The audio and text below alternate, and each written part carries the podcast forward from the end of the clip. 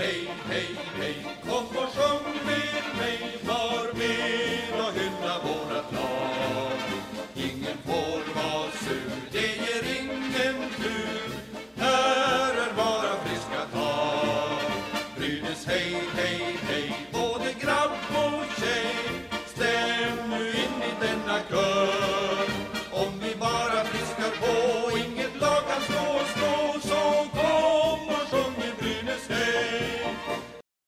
Och då är alla välkomna till ännu ett nytt avsnitt av Brynäspodden.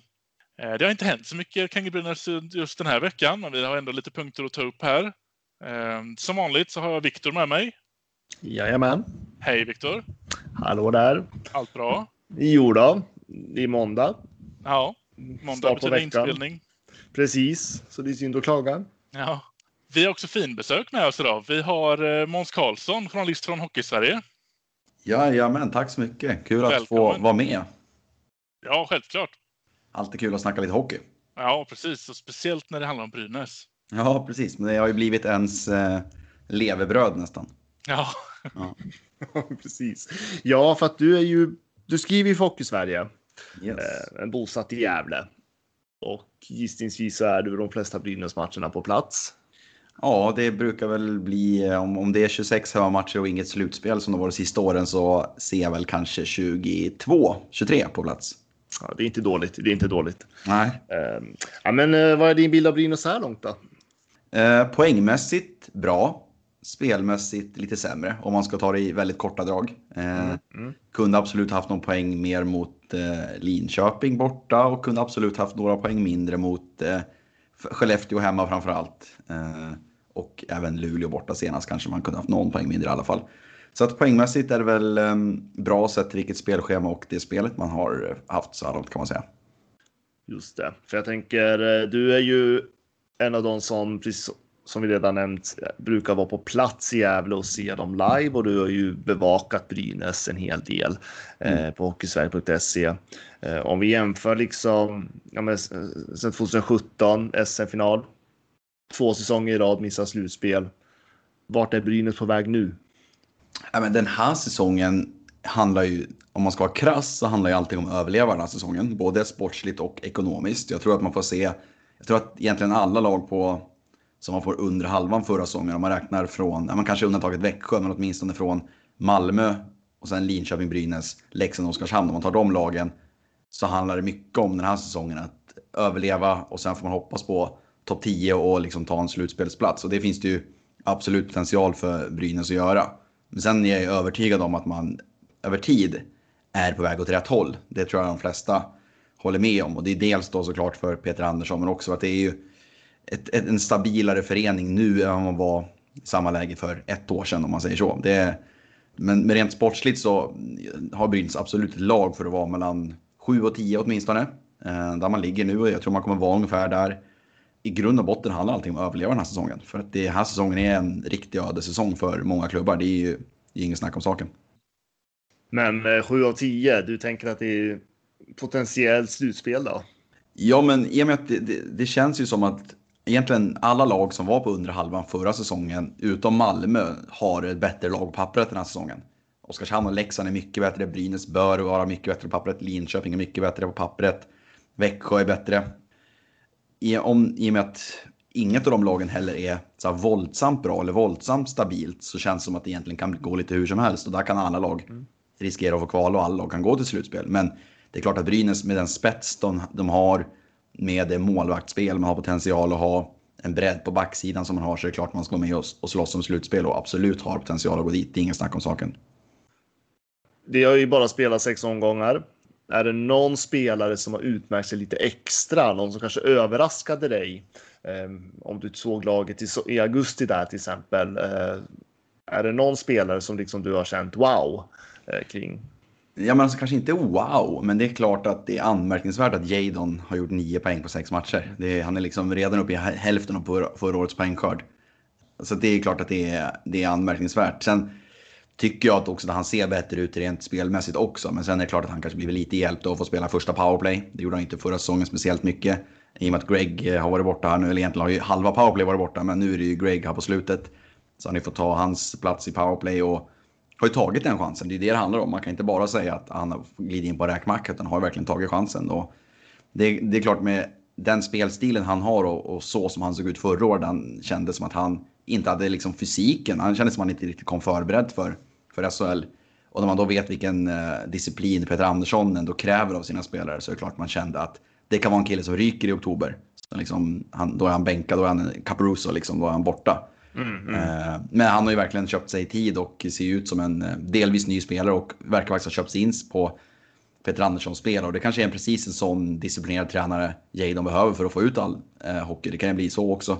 Så att han har väl överraskat positivt skulle jag säga. Och sen Samuel Ersson såklart, men det tycker jag var mer väntat. Att jag tror ju väldigt mycket på honom och tror att han är en, en stjärnmålvakt i den här serien. Så att det är väl mer väntat än vad kanske han har varit den bästa spelaren överlag. Mm.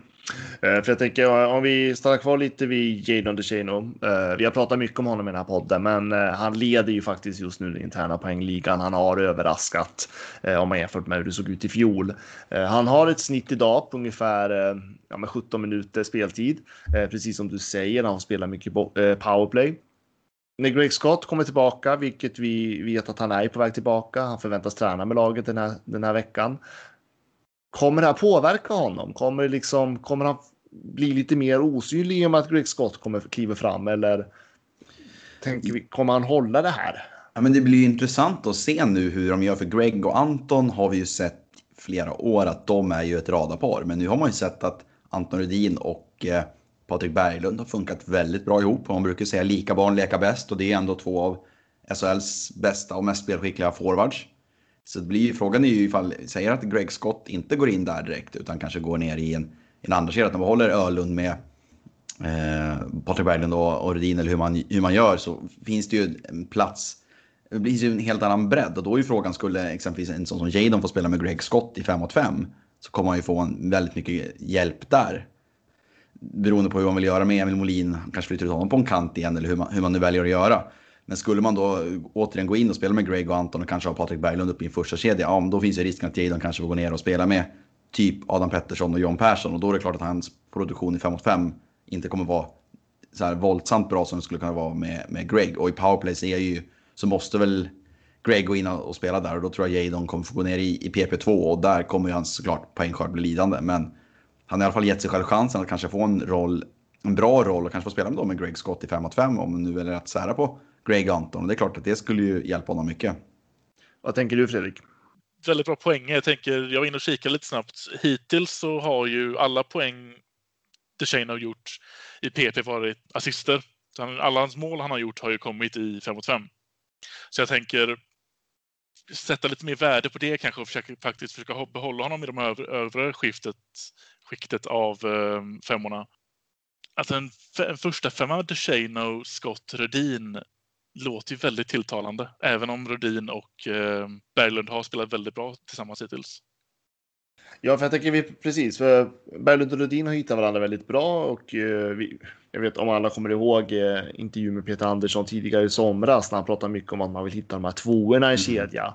Eh, och kommer Greg Scott in, vi vet ju att Rudin och Scott funkar bra ihop. Vågar man splittra den, den tvåan, Rudin och Scott? Eller ska ja. man, tänker man att, eller vågar man, vågar man splittra Berglund och Rudin just nu? Ja, men jag tror ju att, eh, i och med att, som du var inne på, det här, han har pratat väldigt mycket om att han vill hålla de här tvåorna intakta. Så räknar jag med att Greg och Anton är en tvåa. Och att Patrik Berglund kanske är en tvåa med Emil Molin exempelvis. Mm. Och att då kanske Linus Ölund är, är en med, med Sallinen kanske det var tänkt som exempelvis. Och då, är ju, då finns det ju tre platser där för, för DeShane att gå in i någon av de tre tvåorna, liksom som den tredje länken där. Och skulle han då kanske, om man nu, antingen då om man får spela med Greg Anton eller om man får spela med Berglund då, Emil Molin så kommer han ju få, oavsett vilket kommer han få väldigt bra spelare runt sig. Eh, så att skulle han behålla den strukturen, Peter Andersson, så, så borde ju ändå Jadon ha spelat till sig en plats i någon av de två toppkedjorna, tror jag. Men det är klart att det ska mycket till för att man särar på Greg Anton ändå. Det, det tror jag även jag. Ja, det tror jag också. Det börjar kännas, tittar man på hur han spelar och vilken energi han faktiskt har nu i början av de här första matcherna vi har spelat så känns det som att Duchene skulle kunna nå upp till en potentiellt högre högsta nivå än vad till exempel Danielsson, som vi inte nämner, som är, går in mm. i de här tvåorna. En högsta nivå på Duchene i första kedjan skulle kunna ge sig bättre än att peta in Danielsson i första kedjan med Greg och Anton. de spelar väl, visst var det Greg Anton och Jadon som inledde försäsongen ihop förra säsongen? Och då såg det ju väldigt, väldigt bra ut. Och sen mm. tvärdog ju den eh, formationen, eller, eller i alla fall, eller produktionen var ju väldigt dålig när säsongen väl började från alla håll. Det var ju dålig utdelning på, på Anton framförallt, men då var ju Jadon inte bra, så det gick ju ganska snabbt då. Peta bort honom från den kedjan. Eh, men han känns, som sagt, han känns ju som att han spelar med en annan energi den här säsongen, så det är möjligt att det skulle kunna funka. Och kanske då ha Danielsson med Berglund och eh, Molin i den andra kedjan och sen kanske ha Öhlund och, och Sallinen med i en tredje kedja eller hur man nu väljer att göra då. Ja, det låter ju ändå som att det kan bli åtminstone två riktigt intressanta kedjor eh, när Greg Scott kommer tillbaka. Eh, I alla fall två kedjor som man kanske kan förvänta sig producera framåt. Eh, och sen oavsett om det är eh, Greg Scott eller Anton Edin eller Patrik Berglund och Emil Molin som DeShane spelar med så får han ju ändå två stycken väldigt bra spelare vid sin sida. Och kör han den här energi som han har nu och den här spelglädjen och den här liksom inställningen som ser helt annorlunda ut. Så ja, det är väl en liten, eh, ett lyxproblem känns det som. Om, det blir det. Om man det får uttrycka det så. Ja, det är lite av ett lyxproblem att vi har kanske vår potentiellt topp tre bästa spelare fortfarande på väg in i truppen. Samtidigt, då pratar vi fortfarande om att då kommer vi ha två vassa kedjor två vassa kedjor brukar ju inte räcka hela vägen heller om man ska börja prata slutspel och sånt. Så att vi, behöver, vi har ju ändå lite att jobba på fortfarande, men de här två kedjorna kommer vara sylvassa. Ja. Sen, sen, sen, vill jag också säga att Emil Molin har ju inte gjort någon, jag tror inte han har gjort någon poäng hittills i 5 mot 5 utan har gjort sina fyra mål i powerplay om jag är, om jag är rätt på det. Eh, så frågan är ju vad han skulle kunna behöva för att få igång sin produktion i, i 5 mot 5 också. Så att frågan är ju om vi säger att Jadon skulle gå in i den kedjan så vill, då finns det ju en risk att hans produktion återigen eh, stannar av. Då kanske det skulle vara bättre exempelvis att ha, inte vet jag, John Persson med Emil Olin och Patrik Berglund, liksom den typen av energispelare. Mm. Men då sagt, då finns ju risken att Jadon på något sätt hamnar i kläm där om han nu inte skulle få spela med, med Greg Anton om de nu sätter in Danielsson där igen som, som funkade så bra förra säsongen. Så det, det blir ju ett litet, som vi är inne på, det blir, lyxproblem kanske är ett starkt ord för det är ändå, det finns kanske sju andra lag som har samma problem, som, eller vad man ska säga, lyxproblem som Brynäs har. Men det blir ju intressant att se hur Peter Andersson väljer att, att göra nu. Om han nu ger Jadon, i och med att han ändå levererat så pass bra, kanske ge honom en chans med, med Greg och Anton direkt. Samlat Skellefteå-försvar, Jakob Silfverberg. Men, vilket mål han gör! Vilket mål han gör, Jakob Silfverberg!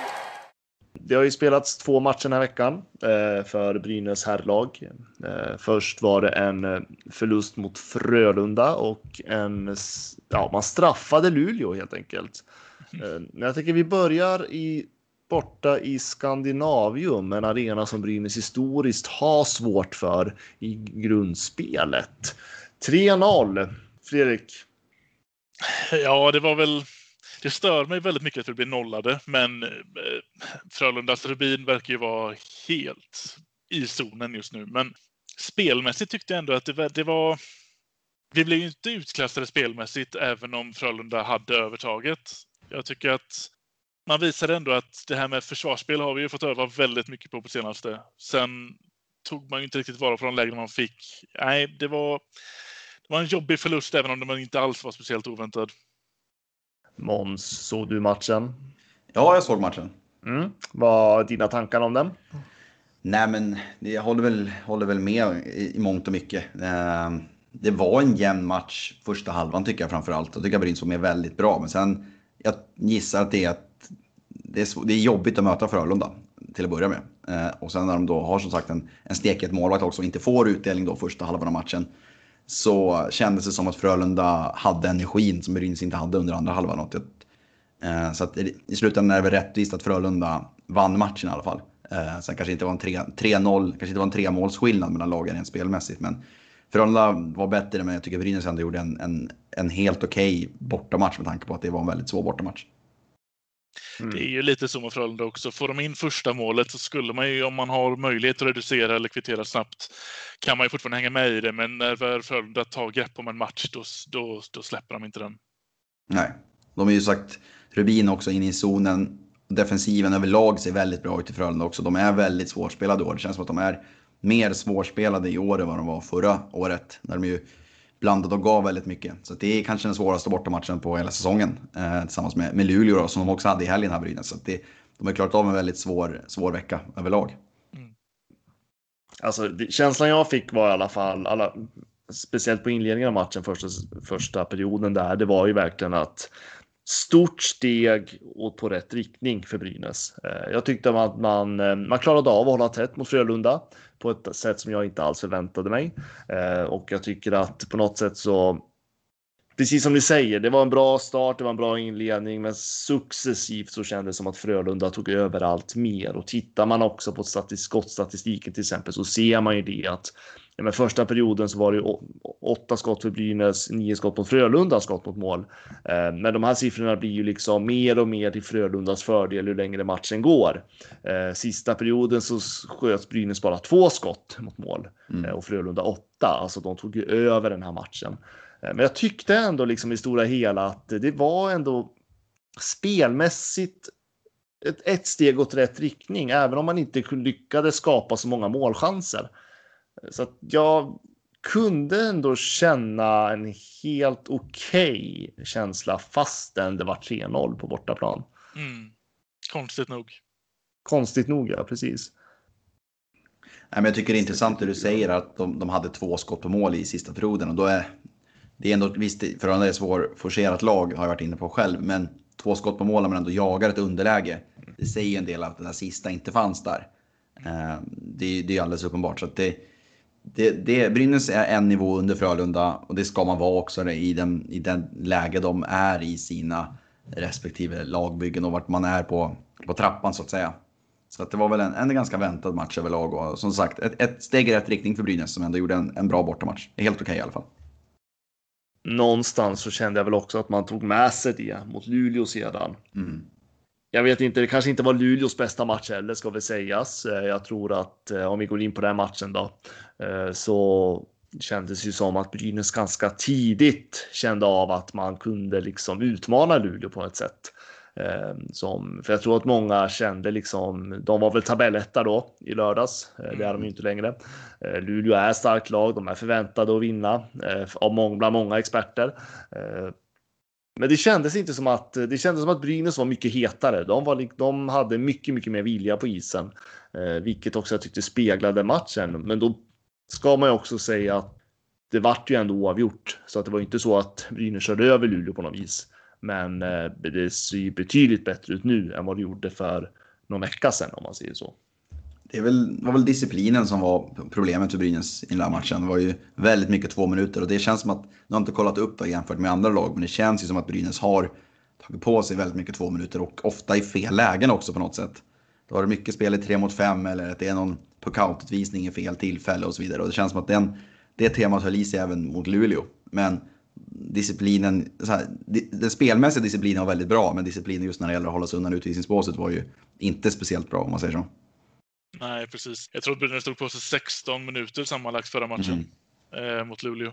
Men jag tycker ändå att sätter vi hela matchen fem mot fem i den mån vi väl fick spela fem mot fem så tycker jag att Brynäs var märkbart det bättre laget i den matchen. Sen hela andra, hela andra perioden var ju bara utvisningar. Jag vet inte ens vad som hände där, men det var ju bara utvisning på utvisning och så kom det en ny utvisning. Och när han kom ut så i nästa byte var det en ny utvisning. Det var ju en fruktansvärd period att titta på. Mm. Eh, jag tänkte på, jag, jag, tog fram nu siffror på antal utvisningar eh, när vi ändå var inne på det. Mm. Det är faktiskt Luleå som har flest två minuter just nu. Alltså, eh, ryggsäckshockeyn ja. i Norrbotten. Ja, precis. Aha. Och eh, Brynäs ligger på femte plats. plats. Mm. Eh, 27 två minuter har de hittills på sex spelade omgångar. Så att, och mest antal utvisningsminuter har Djurgården, men de har ju fått lite värre straff än två minuter också. Ja, de har ju ett par matchstraff där på Haga ja, och Dick Axelsson exempelvis. Precis.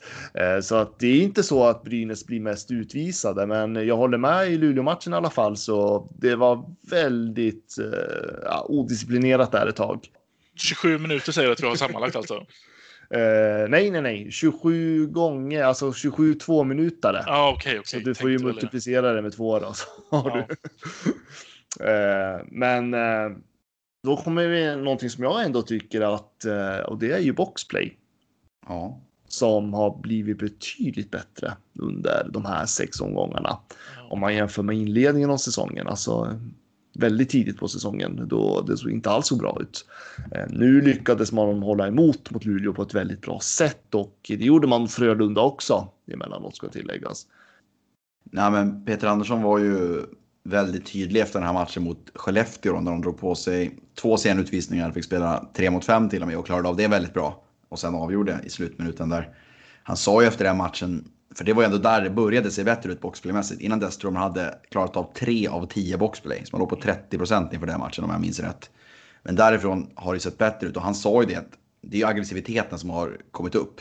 Eh, att det är där den stora skillnaden ligger, att de är mycket aggressivare mot motståndarna, eh, mot puckhållaren. Och det är förmodligen så, för att det kändes som att det var ingenting kuggade i i början och alla var på fel plats. Och de spelade Tommy Sallen och Adam Pettersson och de släppte in mål varenda gång de var på isen i boxplay kändes det som. Och ingen som riktigt visste vad de skulle göra, men det har ju blivit mycket, mycket bättre. Och det är ju alltså det är inte hållbart att dra på sig åtta utvisningar mot, eh, mot Luleå varje gång man möter dem. Då förlorar man resten av matcherna, så är det ju. Men det är klart att det måste kännas otroligt skönt att ändå ha fått ordning på boxplay så pass snabbt som man ändå har fått efter den här katastrofala starten. För att ingen kan ju säga någonting annat än att det ser ju väldigt mycket bättre ut nu än vad det gjorde första tre matcherna egentligen. Nej, verkligen. För jag tycker ändå att det syntes också tydligt ju mer matchen gick mot Luleå. Andra perioden där var ju som den var och visst, Luleå fick ha lite, lite läskiga powerplays ett tag där, men ju fler powerplay de fick, ju mer tycker jag Brynäs kom in i det och de powerplayen, eller boxplayen Brynäs fick i tredje perioden, där var man inte ens jag vet inte ens om Luleå var inne i zon alla de powerplay de fick. Det var många gånger man bröt, bröt dem i, i mittzon och många, power, eh, många boxplays som vi spenderade i offensiv zon bara för att vi hade den forechecken. Liksom. Så ja, definitivt grejer har fixats till och vi, eh, vi kan nog förvänta oss att det ser lite bättre ut statistiken snart också. Ja, det ser minst sagt spännande ut. Frågan är om man Brynäs lyckas hålla det här på något vis. Eh, men det, det, var, en, det var en bra match mot Luleå. Gick mot straffar Mm. Och eh, det var väl såklart eh, på grund av hade inte Brynäs tagit på sig så mycket utvisningar den här matchen så hade det ju sett annorlunda ut tänker jag. Då tror jag att Brynäs hade åkt hem med tre poäng. Oh. Men eh, straffar.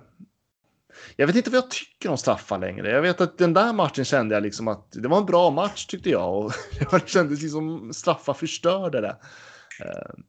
Men ja, det är alltid, det är alltid skönt med en seger. Så får man väl se det. Men de här två matcherna då? Vilken spelare är veckans stjärna? Det är väl Samuel Ersson får man ja, säga. Ja, precis. Tack. Det var han jag ville komma åt. Ja, eh, ja det är helt klart Samuel Ersson. Eh, jag måste bara säga, jag tycker det är helt otroligt vad han har gjort presterat den matchen, eh, framförallt mot Luleå. Jag är ganska imponerad av att eh, en 20-åring kan hålla ett sådant lugn i ett sådant pressat läge som Brynäs ändå var eh, när man gång på gång fick spela numerärt underläge. Eh, jag har varit imponerad. Ja, men det är just att han är, han, det är just att han är så lugn och han är ju väldigt följsam och utan att vara målvaktsexpert på något sätt, snarare målvakts icke-expert, så eh, känns det som att han läser spelet väldigt bra. Kanske bättre där än många andra målvakter.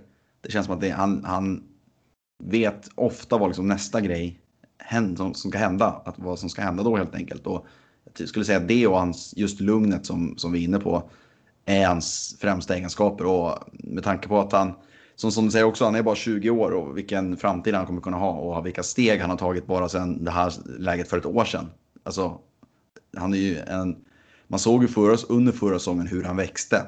Så att jag, jag, var ganska säker på att han skulle vara en väldigt bra målvakt i den här serien. Men oj, oj, oj, vilka steg han tar från år till år egentligen och för, nästan för match till match. Så det är ju, ska bli otroligt spännande att se vad, vad han kan göra om man nu får först, en första spad över en hel säsong. Liksom ja, framtiden är ljus. Eller vad säger du Fredrik? Ja, för Ersson i alla fall. precis. Eh, men eh, precis, och eh, det är väl många som förväntar sig nu att Ersson är första målvakten. Men vi har ju också Viktor Andrén eh, som har gjort det väldigt bra tidigare. Han kanske inte haft en jättebra inledning om man ska vara ärlig och säga det. Eh, men jag tänker att det är ju Rögle som väntar nu på torsdag. Rögle har ju haft en utomordentlig eh, start på den här säsongen. Man eh, leder väl tabellen nu om jag inte missminner mig. Jo, stämmer. stämmer. Eh, ska man ha kvar Ersson i målet? Eller ska man, ska man låta Andrén få matchtid? när man möter sånt här bra motstånd som Rögle. Jag skulle ställa Samuel Ersson. Alltså, han, han ger Brynäs chansen att vinna varje match. Han gav dem en seger borta mot Luleå senast. Eh, alltså det, finns, det finns tillfällen man kan ställa Viktor Andrén. Man kanske till och med kan vara ett bättre läge att göra det på lördag mot, mot Växjö så han inte tappar matchrytmen helt. Men nu när Ersson har gett Brynäs chansen att vinna i, ja vad är det, fyra raka matcher i princip, eller tre raka matcher i alla fall, så tycker jag att han måste stå eh, en match till i alla fall och sen kan man ge Andrén chansen på, på lördag mot Växjö borta. Precis, det blir till och med kanske en fördel att ställa Andrén mot, eh, mot Växjö. Ja, just det. Det kan det till och med vara. Ja. Det är som du säger, eh, man, man vill ju ha två matchvana målvakter naturligtvis mm. och Andrén kommer ju få spela mycket matcher. Men det är ju mot de här topplagen, särskilt inledning av säsongen tänker jag, det är otroligt viktigt att försöka samla de här tre poängarna eh, i ett läge där möjligheten finns. Vi vet inte alls hur det kommer se ut i januari, februari, men vi vet ju att alla lag kommer bli bättre. Och när de här äh, riktiga topplagen får sätta sitt spel och prägel så kan det bli svårare att vinna mot dem. Men eh, jag, jag håller med. Jag tycker också att man ska fortsätta med Ersson på torsdag, men att på, ja, mot Växjö då, så ska Viktor Andrén eh, få spela. För det är viktigt också att han får komma igång. Och sen är det ju, alltså, jag skulle tycka det kändes konstigt rent symboliskt eller principiellt, eller man ska säga, att när serieledaren kom på besök så bänkar man seriens hetaste målvakt. Det är liksom bara där tycker jag att man, man egentligen har svaret. Att det är, det är bara att gå med Ersson åtminstone en match till. Mm. Och sen eh, får man ställa Andrén kanske matchen efter den som sagt när det är Växjö borta. Men nej, inte det. Alltså, jag tänker de senaste, de senaste åren har ju Brynäs gjort lite sådär. De har ju kört varannan match och så där mm. och så vidare liksom. Är det slut på det nu? Ja, det är väl för tidigt att säga. Alltså Andrén som, som du var inne på tidigare har ju gjort det väldigt bra i sin karriär också. Så att man, i NHL snackar man mycket om att man har antingen en första och en andra målvakt eller så har man en 1A och 1B. Det vill säga att man delar ganska, man kanske en som står 50 matcher och en som står 32 matcher. Och här är väl det kanske att en står 30 och en står 20 ungefär. Och det är väl kanske den fördelningen som är rimlig för Viktor Andrén är ju för bra för att bara vara en backup-målvakt. Mm. Eh, så det är inte så att han ska stå 10 matcher per år och ställa er som 40 liksom. Det, det, det tror jag man förlorar mer på än man vinner på. Som du är inne på att man kanske spelar varannan match, eller som det var framförallt med Felix Sandström och David Rautio, där det egentligen inte fanns en första målvakt någon gång när de stod. Utan det var, de, de verkligen körde varannan match mer eller mindre hela tiden. Eller att de stod två och vilade två. Den fördelningen tror jag inte vi kommer få se den här säsongen. Utan jag tror att man, Peter Andersson, han har ändå haft Oskar Alsenfelt som har stått 40-45 matcher om han är skadefri. Han vet vilka det betyder att ha en riktigt bra första målvakt Och om Samuel Ersson håller den nivån som han har hållit så här långt, ja, då är det rimligt att han är ändå den som står mest. Men inte att, eh, jag tror inte han kommer stå 40 matcher. Nej, precis.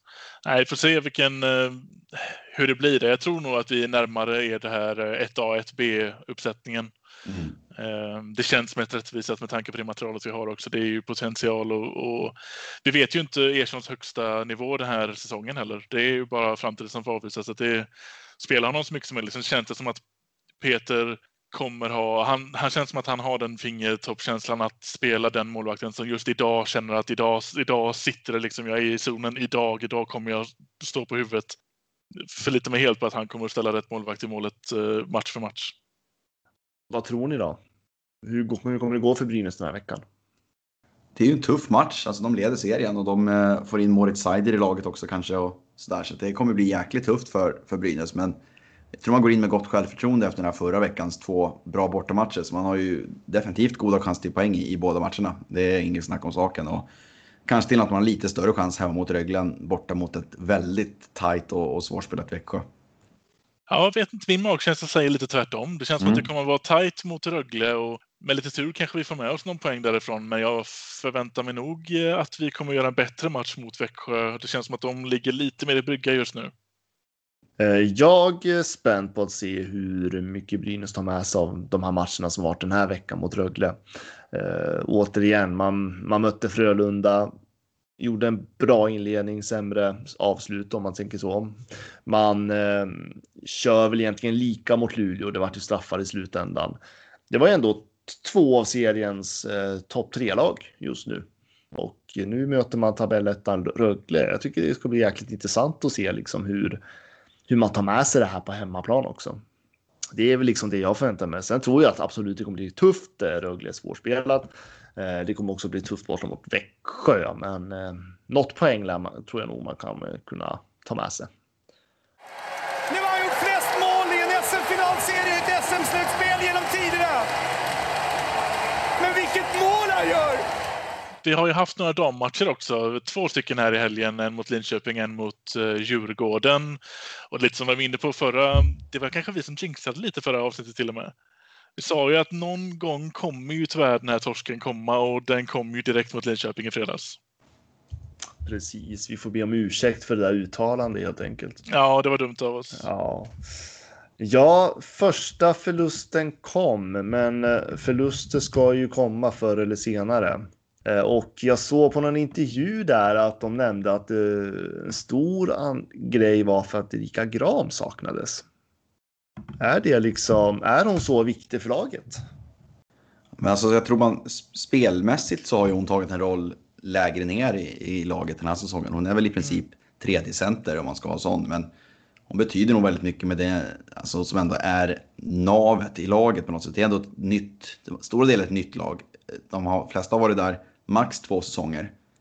Eh, jag tror att hon betyder väldigt mycket för att liksom, få ihop gruppen, vara den som liksom tar stafettpinnen och, och liksom bär den framåt på, på liksom ett annat sätt än vad kanske de andra gör.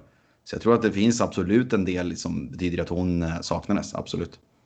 Ja, hon är ju solklart ledaren i, i laget och mm. saknas hon Saknas hon på isen så, så kan hon ju fortfarande göra en del i omklädningsrummet såklart, men jag tror att hon, eh, hon är definitivt ledaren med stort L i, i Brynäs damlag just nu. Och ska hon inte vara med då, då, då är det ett tomrum som, som saknas.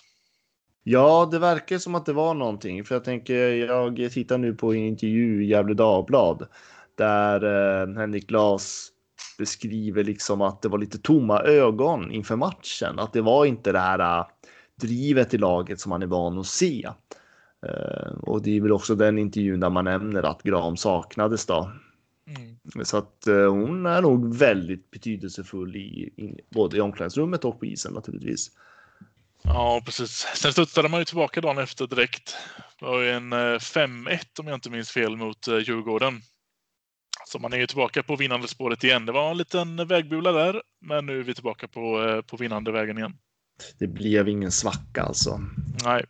En dum fråga till dig Måns. Mm. Vad tänker du om det här laget? Ja, jag tror jag vet vad svaret blir. Det är ju ett väldigt bra lag, så mycket kan man väl säga det är, det är klart att de ska gå för guldet. Så är det ju. Det är, det är inte svårare än så. Nej, det var rakt, rakt svar, men... Ja, ja nej, men de, det... de, de, har ju, det de saknade förra säsongen var ju en bra backsida tycker jag. Alltså Magdalena Persson var ju väldigt bra förra säsongen. Sen tycker jag att eh, Johanna Olofsson var en liten besvikelse faktiskt. Eh, nu har man en helt annan bredd på backsidan och har ju samma spets som förra året. Lite tillkryddad med några nya nordamerikanska också och ett par unga svenskor som har sett helt okej okay ut så här långt. Så att, eh, det, jag tycker det ser väldigt bra ut för Brynäs Ja, vi kan ju bara instämma. Vi har ju nämnt det förut. Eh, det känns ju lite grann i årets SDHL att det är ju liksom Brynäs, Luleå, Linköping kanske. HV71. Ja, det är väl de lagen det handlar om. Rest, alltså om man tänker som kan vara med och utmana om finalen. Annars är det ju ganska tunt. Eh, men det är ju liksom, det är ju så i SDHL. Så jag tror att det är viktigt att Brynäs vann mot, eh, även fast de torskade mot eh, och Linköping här så tror jag att den där segern mot Luleå ett par veckor innan var väldigt viktig mentalt. Att de verkligen, de vann ju en grundseriematch mot dem förra säsongen också på bortaplan. Men att de nu verkligen känner att de är där och verkligen kan göra det mot Luleå. Eh, så jag, tror, jag tror man ändå har ett annat mindset i år än förra säsongen. Där de ändå kände, tror jag, inför varje match mot Luleå och i viss mån även mot HV att de var underdogs. Det tror jag inte de gör den här säsongen. Nej, precis. Jag har också tänkt lite på det. Att man, nu har vi ju slått de lagen då, om vi bortser från Linköping, så har vi slått de lagen som vi kommer behöva slå i framtiden. Och en sån rivstart som man, har, man ändå har startat säsongen med här nu så känns det som att nu vet man ju att kvaliteten finns i laget. Och det var ju inte en, det var ingen supertajt match heller mot Linköping eller den som var mot HV. Så att man kan ju vinna hyfsat tydligt mot dem. Det handlar ju bara om att ta fram det när det väl gäller. Då. Så att man har kvaliteten i laget definitivt och det tror jag man kommer spela mycket på i, när det drar ihop sig sen. De har ju också Leksand nu som väntar redan på onsdag. Och eh, ska vi se, är det den enda matchen de har den här veckan? Ja, det är det. De har bara en match den här veckan mot, mot Leksand. Och Leksand är ju, ja, näst sist i serien. Har inte alls inlett bra. Kan ju förutsätta att det blir en, eh, ska inte säga enkel match, men eh, Brynäs klara favoriter helt klart. Absolut. Alltid gött att slå Leksand. Så är det ju. Eh, men det var väl det om damerna. Från ingenstans, Leif! Det går inte! Han gör mål! Vilka handleder! Vilken spelare! Det går tungt med publikfrågan i svensk hockey eller i svensk idrott ska jag väl säga, Ja. inte bara svensk hockey. Eh, Det vart ett litet bakslag där. Eh, Och eh, jag vet inte Måns, hur insatte du i SHL och den här frågan?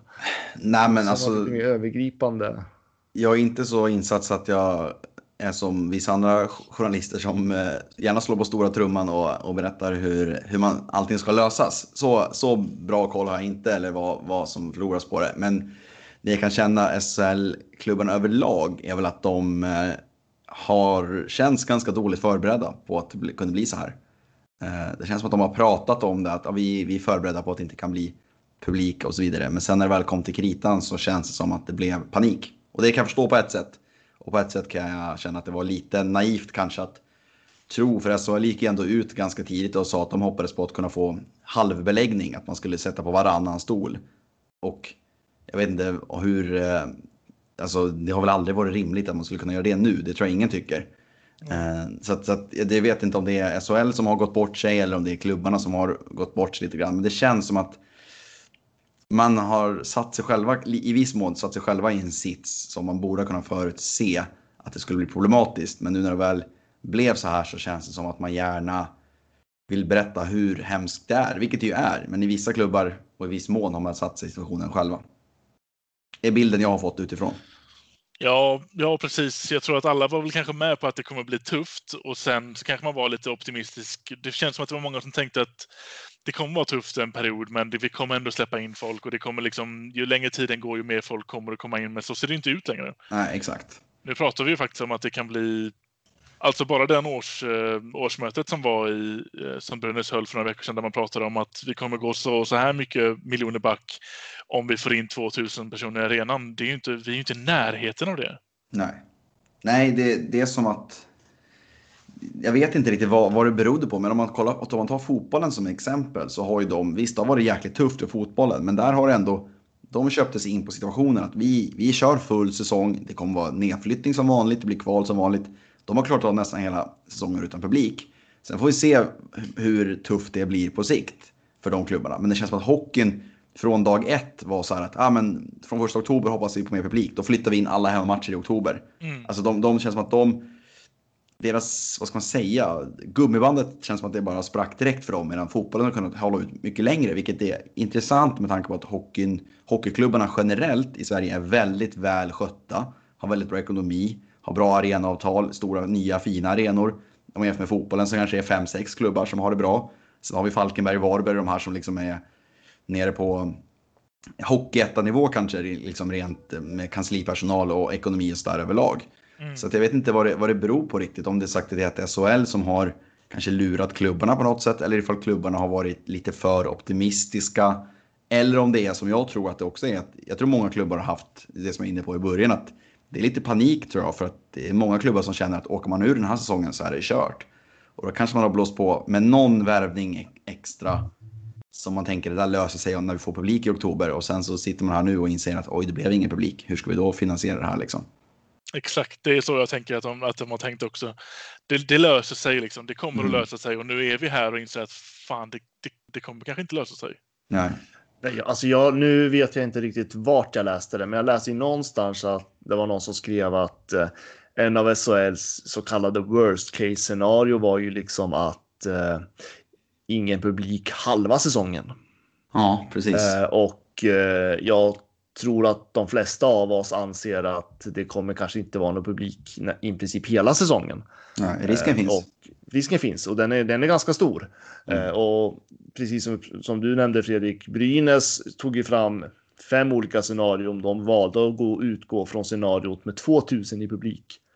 Eh, vad jag förstår typ runt halva, Mm. efter halva säsongen.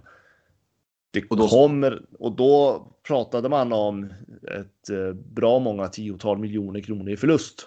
Mm. Men då ska man komma ihåg också att jag tycker Brynäs ändå var en av de mer sansade klubbarna just där. För flera andra har ju pratat om att det skulle vara, de hade budgeterat för åtminstone halvfullt. Så att Brynäs stod ju ändå ett steg bakåt där. Även om 2000, det blir, kommer nog inte hända det heller. Men det känns ändå som att det, just där var Brynäs eh, mer sansade och mer verklighetstrogna, ska säga, än vad många andra som känns som att de verkligen var verklighetsfrånvända snarare.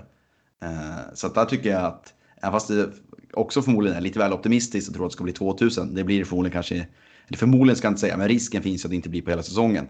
Så hoppas jag för Brynäs del att de i alla fall var mer förberedda just där än flera andra klubbar. Ja, precis. Men det är som du säger där, att, eh, att vissa har satt budget utifrån att varannan stol ska vara tom och resten ska vara mm. fullt. Mm. Och Brynäs ändå är de som kan hålla förväntningarna nere och nu när vi tittar på det inser att inte ens Brynäs var i närheten av vad vi kanske kommer kunna uppnå. Så har det ju verkligen brustit någonstans. Och då är ju mm. frågan om, om SHL har en spel med i fingret är att de har liksom varit med och lugnat klubbarna och fått dem att känna att det kommer att, det kommer att lösa sig också. Att de har haft samma inställning som klubbarna har haft. Mm. För någonstans känns det som att hela hockeysfären just nu känner att det, det är oktober och de ser liksom inte ens ljuset vid horisonten. Vi, vi sitter i den situationen nu. Och det har liksom bara gått sex omgångar. Ja, det är 46 matcher kvar plus slutspel. Och sen ska man komma ihåg att det kanske blir skador runt säsongen. Spelare måste ersättas. För i, i slut, alltså så här, jag kan förstå de som tycker att det rimmar illa att man värvar massa spelare i en pandemi. Man kanske permitterar, man har en dålig ekonomi och värvar spelare. Jag förstår dem. Jag förstår också klubbledningarna och sportcheferna och styrelserna som väljer att göra det. För i slutändan är det ju ett herrlag som ändå betyder mest rent ekonomiskt och, och, och för sponsoravtal och sånt där i slutändan. Det är ändå ett lag man måste ha på isen. Så jag förstår ju också de som väljer att göra så. Men det kanske slår hårt när det väl kommer till kritan nu då, när man märker att situationen i samhället är så som den är. Så är det ju. Jag tänker även om man jag förmodar väl att alla SHL-klubbar i alla fall kommer att överleva den här säsongen oavsett. Mm. Det som är oroväckande är ju liksom hur kommer det här slå på kommande säsonger? Ja, det finns ju ingenting som säger att de har, det kanske är sponsorer som har droppat av den här säsongen. Vad, vad är det som säger att de helt plötsligt har pengar som kan gå in nästa säsong och så vidare. Då är det större risk att det kanske är någon sponsor, sponsor till som, som tappar i takt samtidigt som man inte kan få inkomster för publik och så vidare. Så att ju längre det här fortsätter desto mer, desto snabbare går ju spiralen neråt eller snöbollen eller hur man nu ska beskriva det som liksom. Mm. Så det är ju, den här säsongen är ju bara det kanske är en första av tre säsonger som det blir publikrestriktioner eller fem säsonger. Eller så är det bara den här säsongen, det är ingen som vet. Det, vi kanske fortfarande bara är i början av det här. Tyvärr kan det ju vara så. Vi kan trösta, trösta oss med i alla fall att Brynäs har en bra likviditet på banken i alla fall. Mm. Det... Alltså, de, de ligger ju bättre till där än många andra klubbar. Det gör de ja, faktiskt. Är det, det någon som har missat det eller? Det får man trösta sig med helt enkelt. Men, men, men, där kan man också säga att de har också lagt, jag tror det var Hans Abrahamsson på Sportbladet som gjorde en, en, en granskning kring det här, att de har liksom 10 miljoner på sparkade tränare sista åren. Där, där har man ju, det är inte bara viktigt att sätta rätt tränare eller sportchef eller klubbdirektör eller, eller vad det än är rent sportsligt, utan det är också väldigt viktigt rent ekonomiskt för sådana här situationer kommer. Det är alltså man, ingen vet vad, alltså, man kan inte förbereda sig på att det blir en global pandemi, absolut, men man kan förbereda sig på att det blir kriser av olika slag. Eller att man åker ur en serie eller vad det än är, då är det ju såklart viktigt att ha så bra likviditet som möjligt. Och om man då har lagt 10 miljoner på sparka tränare sista åren, då har man 10 miljoner mindre än vad man skulle haft.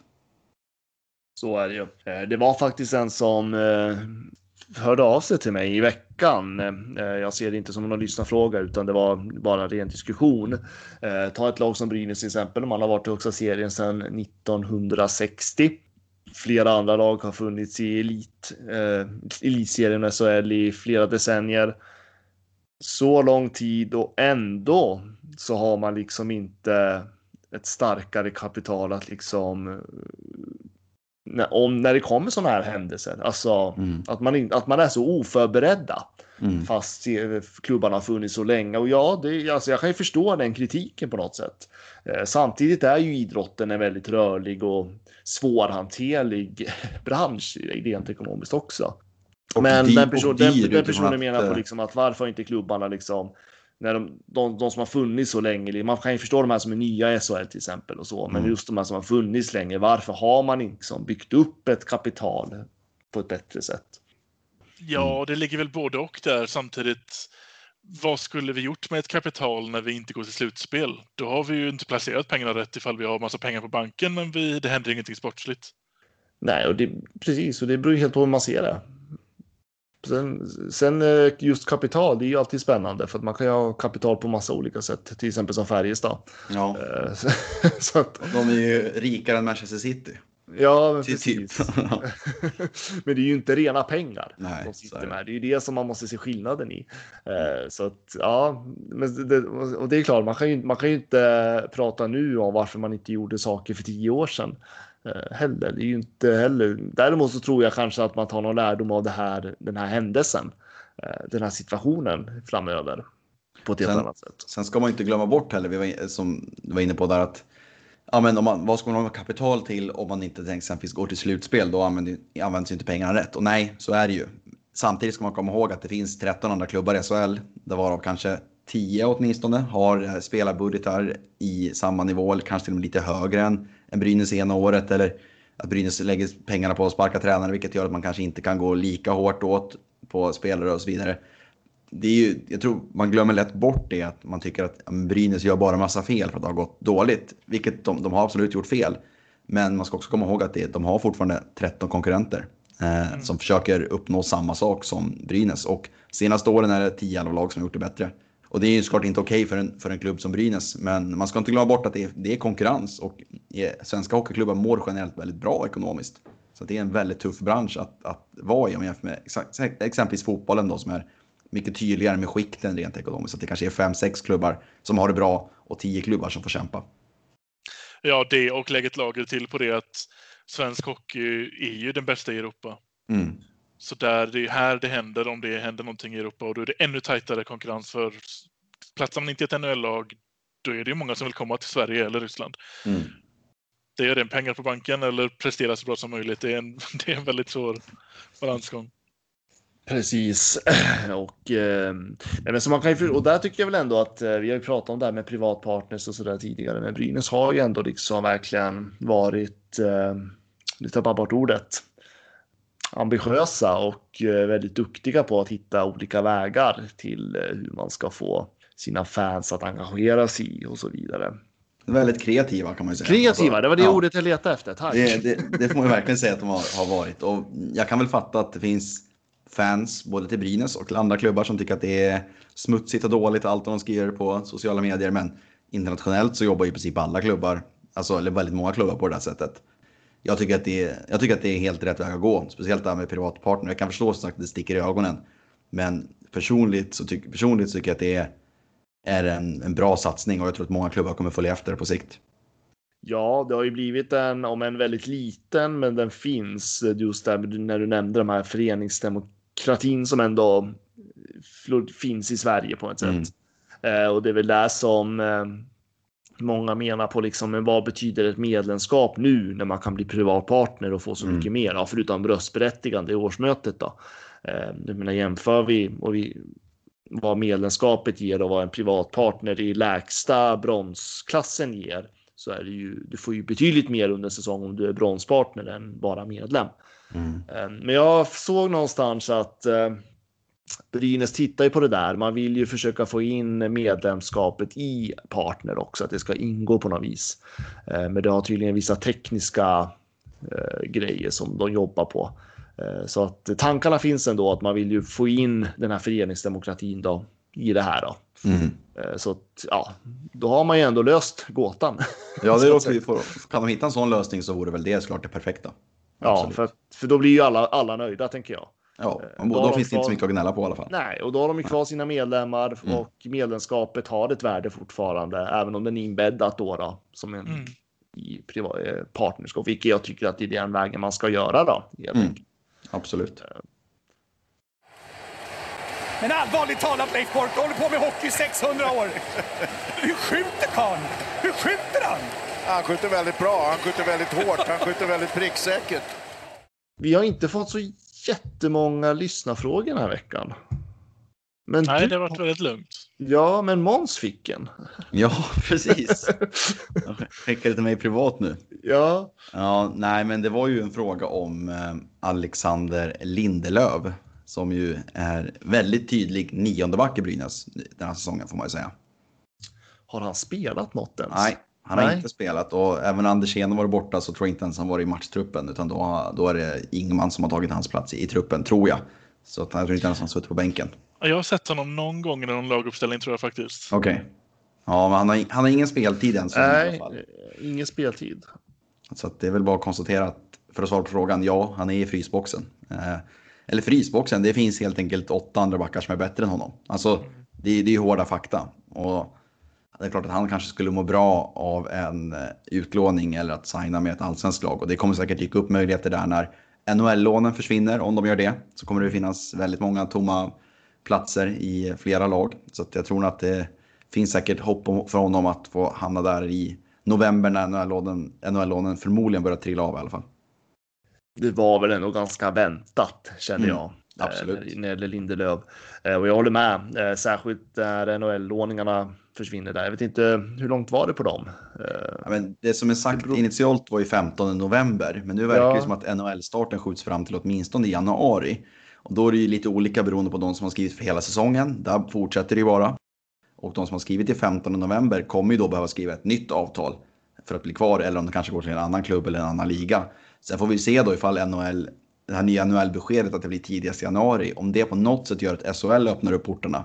Eh, eller om det blir ett besked att exempelvis AHL-säsongen ställs in.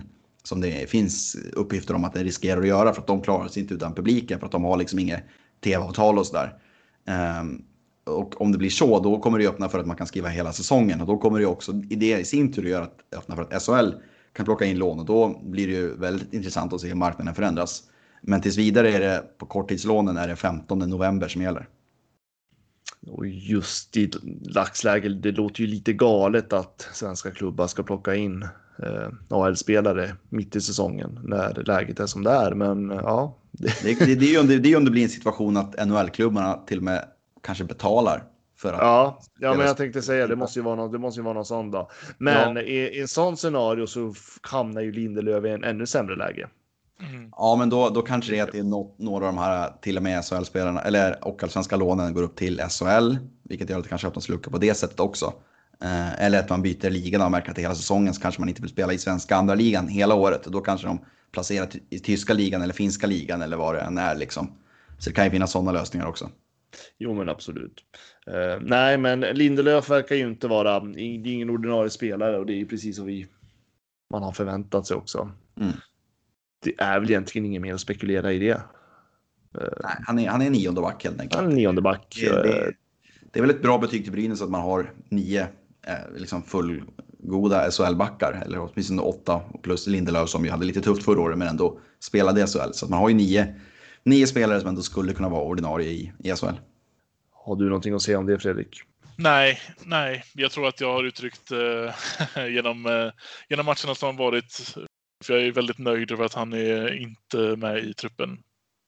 Just det, och jag tänker, ja, man kan ju också nämna back som Josef Ingman. Han har ju inte fått. ehm, han har inte varit med alla matcher heller. Nej. Eh, väldigt, väldigt begränsad speltid. Snittar två minuter på tre omgångar. Mm. Det är en tuff konkurrens på backsidan. Det är det ju. Sen kommer ju alltid skador. Så är det ju. Så Och är det. Ha en Ingman som åttonde back som ändå under stundom förra året gjorde det bra. Eh, han är ju, jag håller ju honom ett par nivåer före Lindelöf i alla fall. Mm, så att det, om, om, om man säger så här, jag skulle inte tveka om jag var Brynäs på att släppa Lindelöf. Om vi säger att Västerås skulle vilja ha honom likt var med Zetterberg exempelvis, som inte heller kom in rätt i Brynäs. Då skulle jag absolut, om jag var Brynäs, vara beredd att släppa Lindelöf till typ ett hockeyallsvenskt lag. Ingman skulle jag vara lite mer restriktiv och ändå behålla för att han är ändå en, en bra SHL-back i min mening. Ja, det håller jag med om. Ja, jag bara instämmer. Eh, ja, men det är inte så mycket mer vi har att prata om. Det har ju varit en vecka med, eh, ja, det har ju spelats fyra matcher som sagt, men det har inte hänt så mycket nyheter runt Brynäs den här veckan. En riktig så här oxvecka helt enkelt. Mm. Ja, ja, precis. Det enda vi kan bidra med där egentligen är väl att vi vet att Greg Scott är på is nu i alla fall. Det vet vi. Han förväntas träna med laget också. Eh, sen får vi se när han kommer till spel. Det är ju en annan fråga. Mm. Det Så. går i rätt riktning för honom i alla fall. Jag längtar tills jag får se Greg Scott på isen igen. Det är liksom att veta det här att det finns lite mer i det här laget i form av Greg Scott. Det blir spännande, mycket spännande. Eh, sen kan jag väl också avslöja redan nu att eh, nästa vecka så kommer vi ha en intervju med Brynäs styrelseordförande Jürgen Lorenz. Ja, Eh, Det blir intressant och då tänker jag då kan man ju fortsätta diskutera det här med medlemskap och vad har det för betydelse nu för tiden i moderna samhället så att säga. Det blir spännande. Då tackar vi för oss och så får jag tacka er för att ni har lyssnat och tack Måns för att du har velat gästa Brynäspodden. Du, det, nöjet var på min sida. Visst var det mål? För de, de ringer Ja, på det ja, nu, ja. men visst Ja, var den ja, inne? ja. Det, det har ju repriserna i någon mening visat. Va? Ja, ja, ja. Men de ska ringa för säkerhets skull. och Här kommer Sören Persson ut och dömer mål, ja. Då är det bekräftat.